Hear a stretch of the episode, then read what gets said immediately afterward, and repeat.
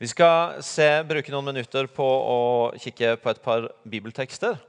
Eh, lyst til å eh, begynne med å spørre om noen eh, har fått med seg hva eh, legendariske Oxford Dictionary kåra til eh, årets ord i 2016.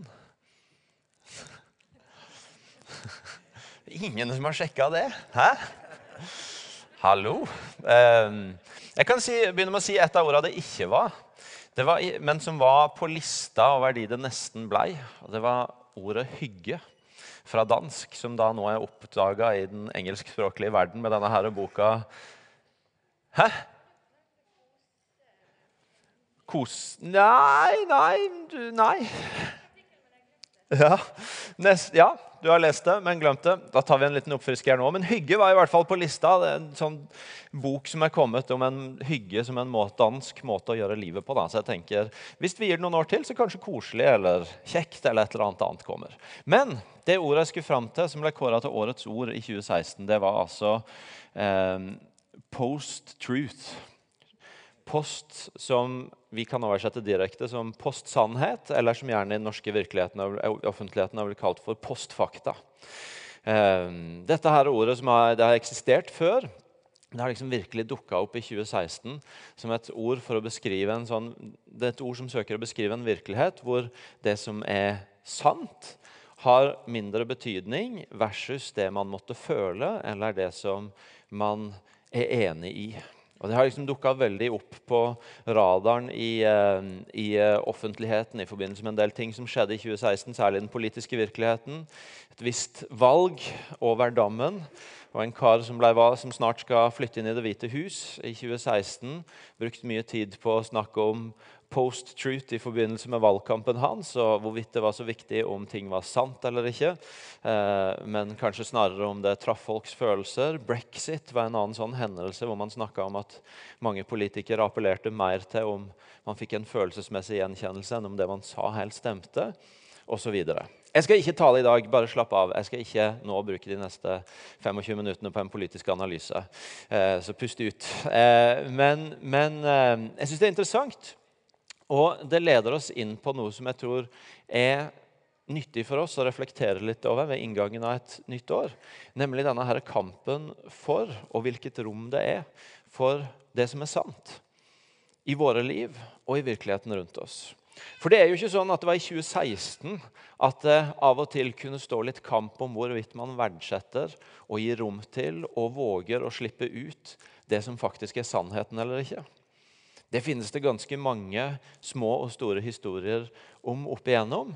Og vi møter ting som handler om det i Bibelen også. Jeg hadde en liten opplevelse eh, i, i, høst. Jeg satt en, en, formiddag, og så begynte en eh, kamerat av meg som jeg hadde vært sammen med han og en gjeng dagen før. Og så, og så begynte han å sende meg Facebook-meldinger med sånne sitater fra vet ikke om dere har hørt om han her eh, Bertrand, som skriver sånn eh, sånn her uh, bøker om motivasjon og selvledelse. og sånne ting. Han har en bok som heter 'Nå', om å gripe øyeblikket. Jeg kan mene mye om sånne bøker, men det heller er ikke temaet for nå. Men, men, i hvert fall så begynte han å pepre meg med sånne sitater fra denne her boka 'Nå', om å gripe øyeblikket. Uh, og jeg, og jeg syns det var glimrende sitater. Og de som kjenner meg, vet at en av de tinga jeg må kjempe litt med her i livet, det er det å være til stede nå. Eh, jeg har snakka noen ganger fra denne talerstolen før om å ha et rikt indre liv, som ofte trekker meg vel så mye som det som skjer rett foran meg.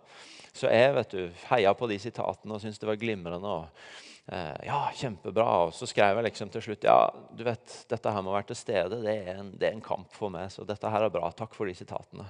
Og så svarer han ja, ja, det merka jeg i går. Å ja, du hadde en agenda med å sende det? ja. Det var ikke bare for å muntre opp, liksom. Det var en skjult tilbakemelding. Eh, så, men så fikk vi en fin samtale om det, og så, og så bare slo det meg. Jeg måtte takke han når, når vi liksom hadde snakka. Hvor egentlig sjelden det er noen som tar seg den hva skal vi si, tar seg det bryet om å faktisk, ut fra en base av at jeg vet at de vil meg godt, jeg vet at de er glad i meg, også faktisk sette fingeren på noen ting og snakke sannhet til meg, også når det utfordrer deg litt. Jeg tenkte jeg måtte takke ham for at oi, du er en av de som faktisk tar deg det bryet. Det er ganske mange som styrer unna det, enten fordi en ikke våger, eller fordi det er ubehagelig. eller et eller annet. Men du, du torde å gi en tilbakemelding. Tusen takk skal du ha. Det var, det var godt å merke å ha venner som gjør det. Og jeg tror at vi alle på små og store ting i livet kan merke noen ganger at det, det er en kamp rundt sannhet i livet vårt. Det er en kamp rundt om, om folk tør å snakke sant til oss, om vi tør å snakke sant om det som er våre liv. Om vi tør å melde det vi tror er sant, inn i virkeligheten rundt oss. Jeg skal lese et par bibeltekster i dag som ikke i utgangspunktet henger sammen, men som allikevel fra litt ulike vinkler adresserer nettopp det. Den første er Jesaja 1. Jesaja, den store profeten, en av de store profetene i Det gamle testamentet, som eh, har mange Som er en sånn omfangsrik bok hvor det er mange ord som eh, er såkalte domsord, som adresserer israelsfolket eh, ut ifra det som ikke er rett i måten de lever på, i forholdet de har til Gud. Der er også mange ord som adresserer nettopp at for det om Gud har mye å si til dem om det som ikke er rett, så har han også nåde for dem. Han har en ny start for dem. Han, han ønsker å lede dem til omvendelse, sånn at de kan finne veien til det rette livet han har for dem. Og Der er, der er på en måte en sånn bølge mellom at Gud formaner dem, irettesetter de, er ganske rett fram med de, og at han samtidig kaller de tilbake til fellesskap med seg sjøl. I Jesaja 1, i starten av boka, så begynner Gud med å adressere israelsfolket og det at de er kommet bort fra han. Han snakker om i de første versene om hvordan en okse kjenner sin eier, et esel sin herres krybbe. Men Israel kjenner ikke, folket mitt forstår ikke. Han, han sammenligner hvordan andre kjenner den de kommer fra, den de hører til. Men, men dette folket de, de, kjenner ikke til han som har skapt dem. Og så begynner han å adressere noen av de tinga som, som, som, ikke stemmer, som ikke er rett i deres livsførsel. Hvordan de har beveget seg bort fra Gud, bort fra hans veier, bort fra det som de i utgangspunktet visste at var den, den rette veien. Og han skriver om hvordan dette også har gitt de sår. Flenger og skrammer og åpne sår. Og så skjer det noe interessant, for så begynner Gud å adressere det faktum at selv om de ikke lever med Han, selv om de ikke går på hans vei, selv om de på mange måter har vendt seg bort fra han, så fortsetter de å opprettholde en sånn ytre tilbedelse av han. En ytre eh, de, de, oppfører seg på utsida som om de følger han. De feirer høytidene, de ber til han, de går til tempelet. Der står det om at sier, og, Gud spør hva skal jeg med alle disse slakteofrene deres. Jeg er mett på brennoffer av værer og på fett av gjøkalver. Eh, han snakker om at de tråkker ned foregårdene hans. Han snakker om at 'jeg tåler ikke falskhet og fest'. Gud sier at han er trøtt av å måtte forholde seg til mennesker som ber til han og feirer høytidene hans, når de, når de på innsida ikke lever med han, ikke følger han, ikke, ikke opprettholder den relasjonen de var tenkt å ha med han. Han er trøtt av at de prøver å holde en fasade der ute som, som ikke stemmer med det, hvordan de egentlig lever opp mot han. Og så sier han Vask dere og gjør dere rene, få de onde gjerningene bort fra mine øyne. Hold opp med å gjøre ondt. Lær å gjøre godt. Søk det som er rett. Hjelp den undertrykte. Vær forsvarer for farløse før enkers sak. Gud adresserer dette med at noen ganger så står kampen om sannhet inni oss. Hvor vi, hvor vi forsøker å holde en fasade utapå som, som, som skal, skal, få det til å se ut som at alt er ok.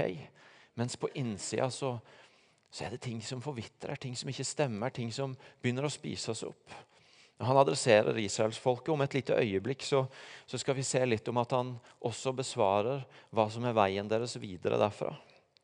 Men før det så har jeg lyst til at vi skal møte en kamp om sannhet fra en annen vinkel også. Fordi I Apostlenes gjerninger, kapittel, kapittel 3 og 4, så møter vi en situasjon hvor, eh, hvor Peter og Johannes har vært oppe ved tempelet, og så har de gått forbi en, en kar som, eh, som, var lam, og som ber om almisse fra dem. Og så gir Peter dette her kjente svaret at 'jeg har ikke sølv eller gull, men det jeg har, vil jeg gi til deg. Stå opp og gå i Jesu Kristi navn. Og Så blir denne mannen helbreda, og så blir det, han reiser seg og går. og Så blir det masse oppstyr. og Så blir det en mulighet for Peter til å forkynne evangeliet. og I resten av kapittel 3 så forkynner han om Jesus, om hvordan Jesus er svaret på det Skriftene har snakka om. Han knytter Jesus til profetene, til det Gud allerede har talt. Og han viser hvordan Jesus også er den som skal komme med lindring for Herren. Og Så begynner kapittel 4 med å si at mens de ennå talte til folket, så ble de overraska av prestene, sjefen for tempelvaktene og sadukeerne, som var opprørt over at de underviste folket og forkynte oppstandelsen fra de døde ved Jesus. De pågrep de og satte de i fengsel til dagen etter, for det var allerede blitt sent. Men mange av de som hadde hørt budskapet, kom til tro, og tallet på menn var nå omkring 5000. Så Peter og Johannes blir arrestert for å forkynne om Jesus. De blir arrestert fordi at noen føler seg trua av det budskapet som nå blir framført, og som stadig flere slutter seg til. Og I resten av kapittel 4 så, så, er det først en dialog mellom Peter og de som anklager han, og Han forklarer hvorfor han forkynner det han gjør, og hva som har skjedd. Og så, og så står det i vers 16 at disse som har fengsla, de sier Hva skal vi gjøre med disse menneskene? De har gjort et åpenlyst under. Det er klart for alle som bor i Jerusalem, og vi kan ikke nekte for det. Men dette må ikke få lov til å spre seg mer blant folk. Derfor skal vi true dem, så de ikke taler til noe menneske mer i dette navnet.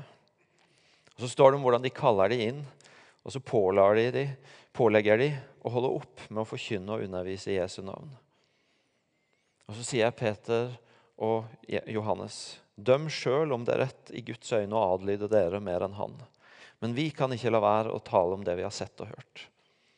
Og så står det Da trua de de enda mer, men de lot de gå, for de fant ingen mulighet til å straffe dem så lenge hele folket lovpriste Gud for det som var skjedd. Så her kommer ikke trusselen om å snakke sant innafra, fra ting en ønsker å holde skjult og dekke over med noe ytre ting.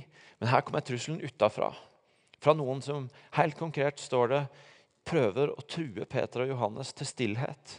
Til å ikke snakke om det de har sett, til å ikke snakke om det de har hørt, til å ikke snakke om det de har erfart med Jesus. Vær stille med det. Vi skal ikke fengsle dere, vi tør ikke gjøre noe med dere, for, for folk er begeistra for dere. Men, men vi, vi, pålegger dere å være stille, og det står at de trua de.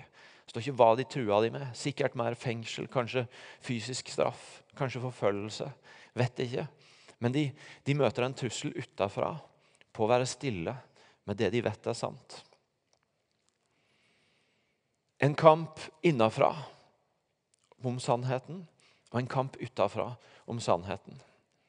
Og Jeg tror mange av oss kan gjenkjenne til ulike tider at noen av de dynamikkene også finnes i våre liv, i våre dager. Trenger ikke et nytt, nytt kjent ord som heter post-truth. Trenger ikke den politiske virkeligheten rundt det. Men kan se på det som er vår hverdag, og gjenkjenne at noen ganger så er det ting her inne i mitt liv, i min virkelighet, som, som jeg har ikke særlig lyst til at skal komme ut. Som jeg ikke, har ikke så lyst til å være bekjent av. Som jeg tenker at det beste for alle parter, og aller mest for meg sjøl, det er om vi later som ingenting og holder det her inne. Og så, og så går vi videre. Men så er det noe av det teksten i Jesaja forteller om, det, det, det om disse såra. Det, det, om hvordan det er akkurat som om det er noe som spises opp innenfra.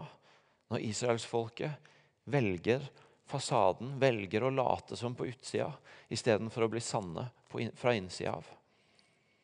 I jula så catcha jeg og Hildegunn opp med en serie vi ikke rakk å se i, i høst. Eh, den heter 'Frikjent'. Noen av dere har kanskje sett den. Sesong to. Den er helt ok. Det er ikke sånn at du trenger å løpe hjem og se den bare fordi jeg har snakka om den. Men den er spennende nok, så hvis du vil og har tid, så kan du.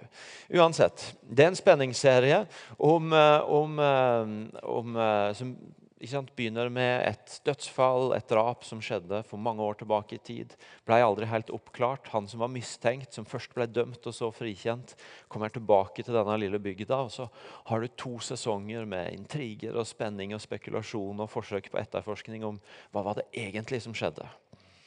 Og i denne serien her, Jeg skal selvfølgelig ikke røpe noen ting hvis, hvis du faktisk skal hjem og ser den. Men i denne, i denne prosessen her så så, så, følger du en del mennesker og en, en familie som bærer på noen hemmeligheter som de har tenkt at det beste for alle er at vi bare lar det være hemmelig. Det beste for alle er at vi verner om, om, om, om det og, og, lar det være sånn. Og så, og så følger du noen mennesker som, som, i denne serien kjemper for å bevare den, det de har holdt som en sannhet, som de egentlig ikke vet er sant. Og Så får du bare en sånn skildring hvor du ser hvordan samtidig som de fighter for å holde en fasade, så spises de mer og mer opp innenfra. Livet blir mer og mer ulevelig, relasjonene blir dårligere og dårligere. Det blir vanskeligere og vanskeligere å være de, fordi om de oppriktig tror at bare de klarer å, å, kjempe mot at sannheten kommer fram, så skal dette gå bra. Så skal de komme seg gjennom, så skal det, så skal det bli fint igjen. Men det blir jo aldri fint, for det slutter aldri å spise denne her løgnen som de må kjempe for å holde skjult. Og jeg tror det kan være store ting, det kan være små ting, men jeg tror vi òg kan gjenkjenne at, at, noen ganger så spiser de tinga på oss. Noen ganger så, så, begynner de å ødelegge og gnage. Og så, og så er det en litt forgjeves kamp å kjempe for å holde det på utsida. Når det som egentlig skaper det store problemet for oss, fortsetter å gnage innenfra. Og På samme måte så vet jeg at mange av oss kan kjenne utfordringer i større og mindre grad på at det er fristende å tie stille en del ganger. Jeg snakker jevnlig med flere av dere som, som, som, i arbeids- og studiesettinger ønsker å være andre stemmer der dere er, men som setter ord på at noen ganger er det vanskelig. Fordi Selv om vi lever i et samfunn som er helt fritt, og som holder ytringsfrihet høyt, så oppleves det en del ganger som trangt hvis en mener noe annet enn resten. Hvis den forsøker å bringe inn et annet perspektiv enn det alle andre sier. Det kan noen ganger handle om rett og slett det å formidle troa. Om å sette ord på hva en tror på, hvor en var på søndag, hva en gjorde med vennene sine når en hadde huskirke, hva en, hva en tenker inn i en sak. Det handler noen ganger om å være den som tør å velge en annen vei. Fordi at det går på tvers av verdier, det går på tvers av det en tror er den rette kulturen å holde et sted. Og så merker en at idet en, en ønsker å mene noe annet, så er det trangt. Men Noen ganger så er det trangt oss imellom òg. Noen ganger så kvir vi oss for å si noe vi ser, men som ingen andre snakker om. Noen ganger så, så kvier vi oss for å dele det vi tror er svaret en ting. Noen ganger så kvier vi oss for å ta stemmen for det ufødte liv, for å velge en sånn sak. Eller andre ting som, som ikke så veldig mange andre åpner munnen for hvis ikke vi gjør det.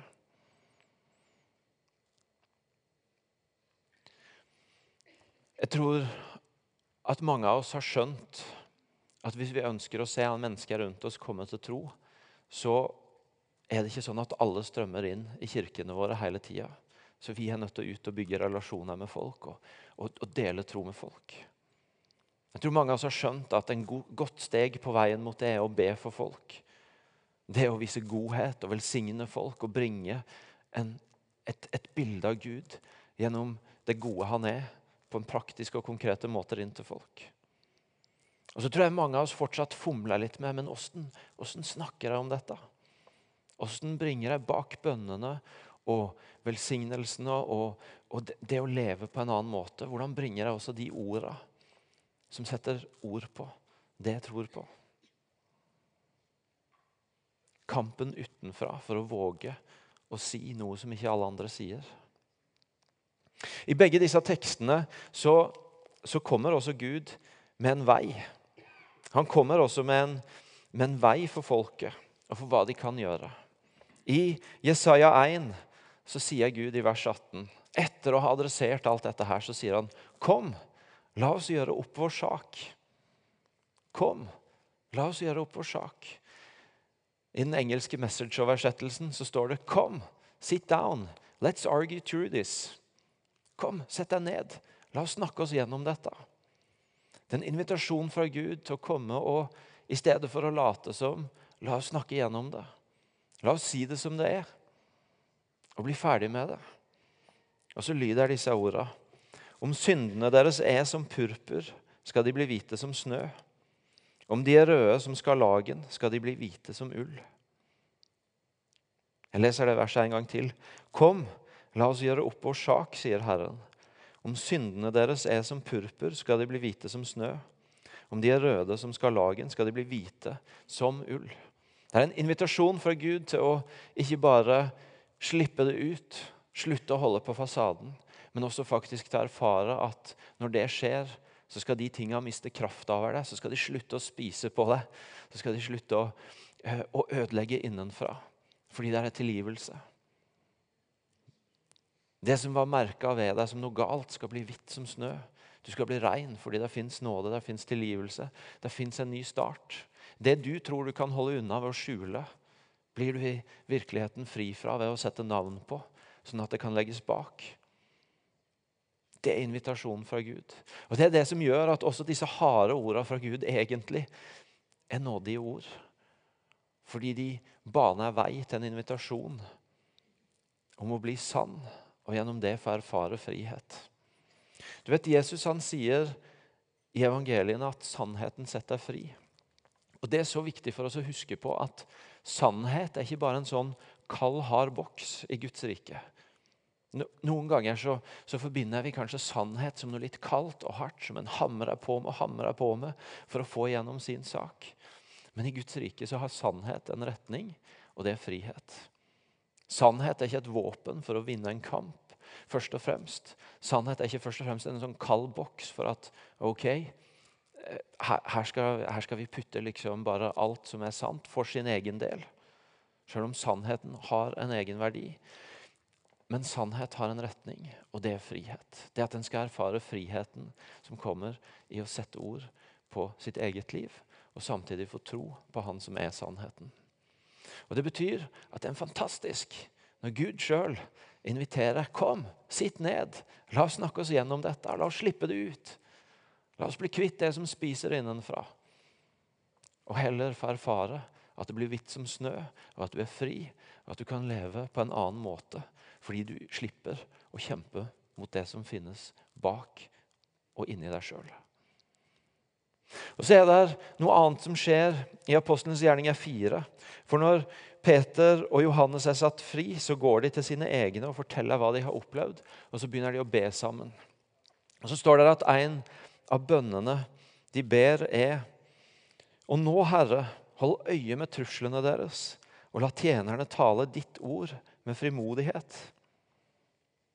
Og så står det i vers 31.: Da de hadde bedt, skalv stedet der de var samla, og de ble alle fylt av Den hellige ånd og talte Guds ord med frimodighet. Og Resten av boken og fortellinga er en historie om nettopp det. Om hvordan at Guds ånd fyller de, så fortsetter de å fortelle sannheten med frimodighet. Selv om de blir trua, selv om det litt seinere ikke bare er trusler, men det kommer forfølgelse, så mottar de noe fra Gud som gir de utruster de til også å fortelle sannheten mot de truslene som kommer fra utsida. Det er Guds mulighet til meg og du i dag også. Han ønsker å hele veien gi oss av sin Hellige Ånd. La sin Hellige Ånd utruste oss og fylle oss. Sånn at det er der hvor vi kjenner at å, her er det trangt. Her koster det å si noe annet enn det alle andre sier. Her koster det å være litt annerledes. Her, her koster det å peke på noe. Eller å bare si hva jeg tror på, hva jeg står for.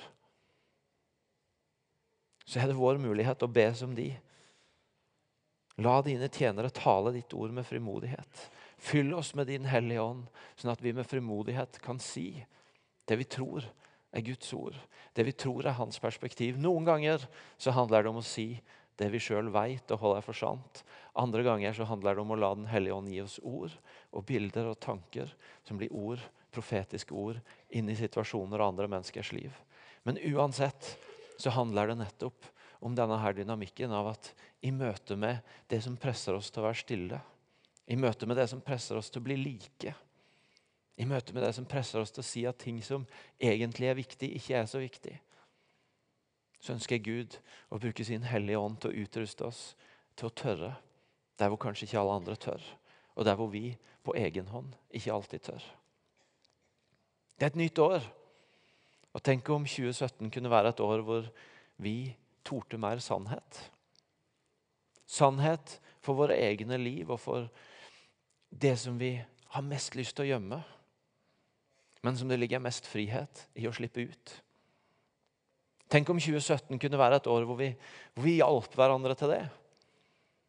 Om vi noen ganger torde å fordi vi allerede har bygd en grunnmur av relasjon, og, og folk vet at vi vil det godt, og peke på noen ting som kanskje er til hjelp for hverandre. Det finnes mange måter å gjøre det på. Uh, og, og, og, jeg er ikke blankofullmakt til alle måter, for å si det sånn. Hvis du syns det er vanskelig, så kan Anne hjelpe dere med til leiårskurset. Det er faktisk steinbra på de, den kommunikasjonen der. Um, men, men, hva om vi kunne både våge mer sannhet sjøl og hjelpe hverandre med det? Men hva om det også kunne være et år hvor vi, hvor vi ble kjent for at vi torde litt mer utover? Greip noen flere situasjoner til å si dette er det, dette er det jeg tror på. Greip noen flere situasjoner til å si det der vet jeg ikke egentlig om er greit. Jeg tror det er en annen vei som er bedre. Greip noen flere situasjoner til å stå opp for noen ingen andre står opp for. Fordi Den hellige ånd ga oss kraft til å si det kanskje ikke alle andre sier. Det vet jeg at jeg har lyst til å be om for dette året. Det har jeg lyst til å be om for vår menighet for dette året. Og Det håper jeg at du vil være med på å be for. Skal vi reise oss opp og be sammen?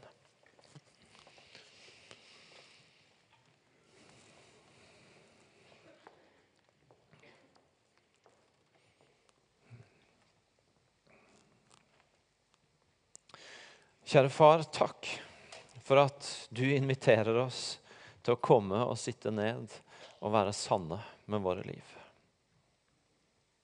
Takk for at i ditt rike så er ikke sannhet et underskuddsgode, men det er nettopp noe som er en stor del av ditt rike, og som har en retning mot frihet.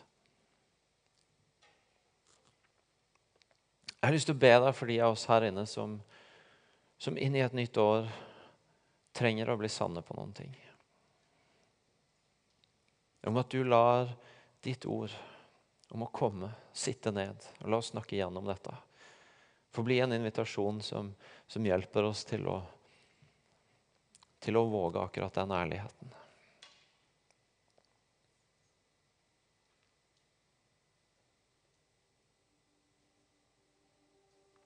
Jeg ber deg om at du lar oss få være et fellesskap for hverandre hvor, hvor vi hjelper hverandre til sannhet.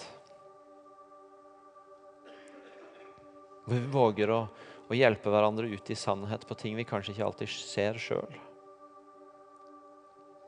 Og vi tar imot hverandre når sannheten kommer, på en måte som gjør at vi tør å gjøre det neste gang også. Jeg ber Deg Hellige Ånd om å komme og utruste oss til å våge sannhet i situasjoner hvor omstendigheter utafra ønsker å prøver å få oss til å være stille. Utrust oss, Hellige Ånd, til å dele om hvem du er. Dele om hva evangeliet er. Men også stå opp for verdier i ditt rike. For andre menneskers sak, for de som ikke kan forsvare seg sjøl sin sak. Og tørre å si ting som ikke alle andre sier. Kom, Hellige Ånd, og fyll oss opp og utrust oss.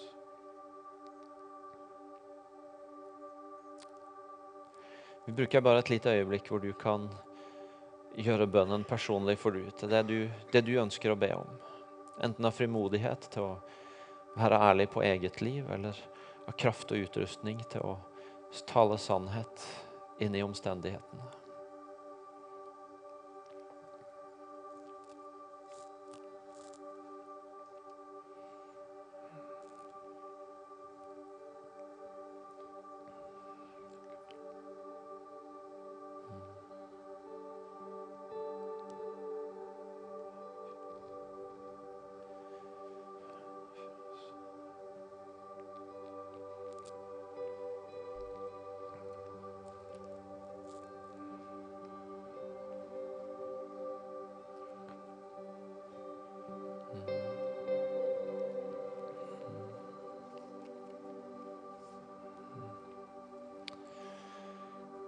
Vi skal bare bli stående og synge sammen. Nå er det også sånn at det er forbedere på den sida som gjerne vil be for deg.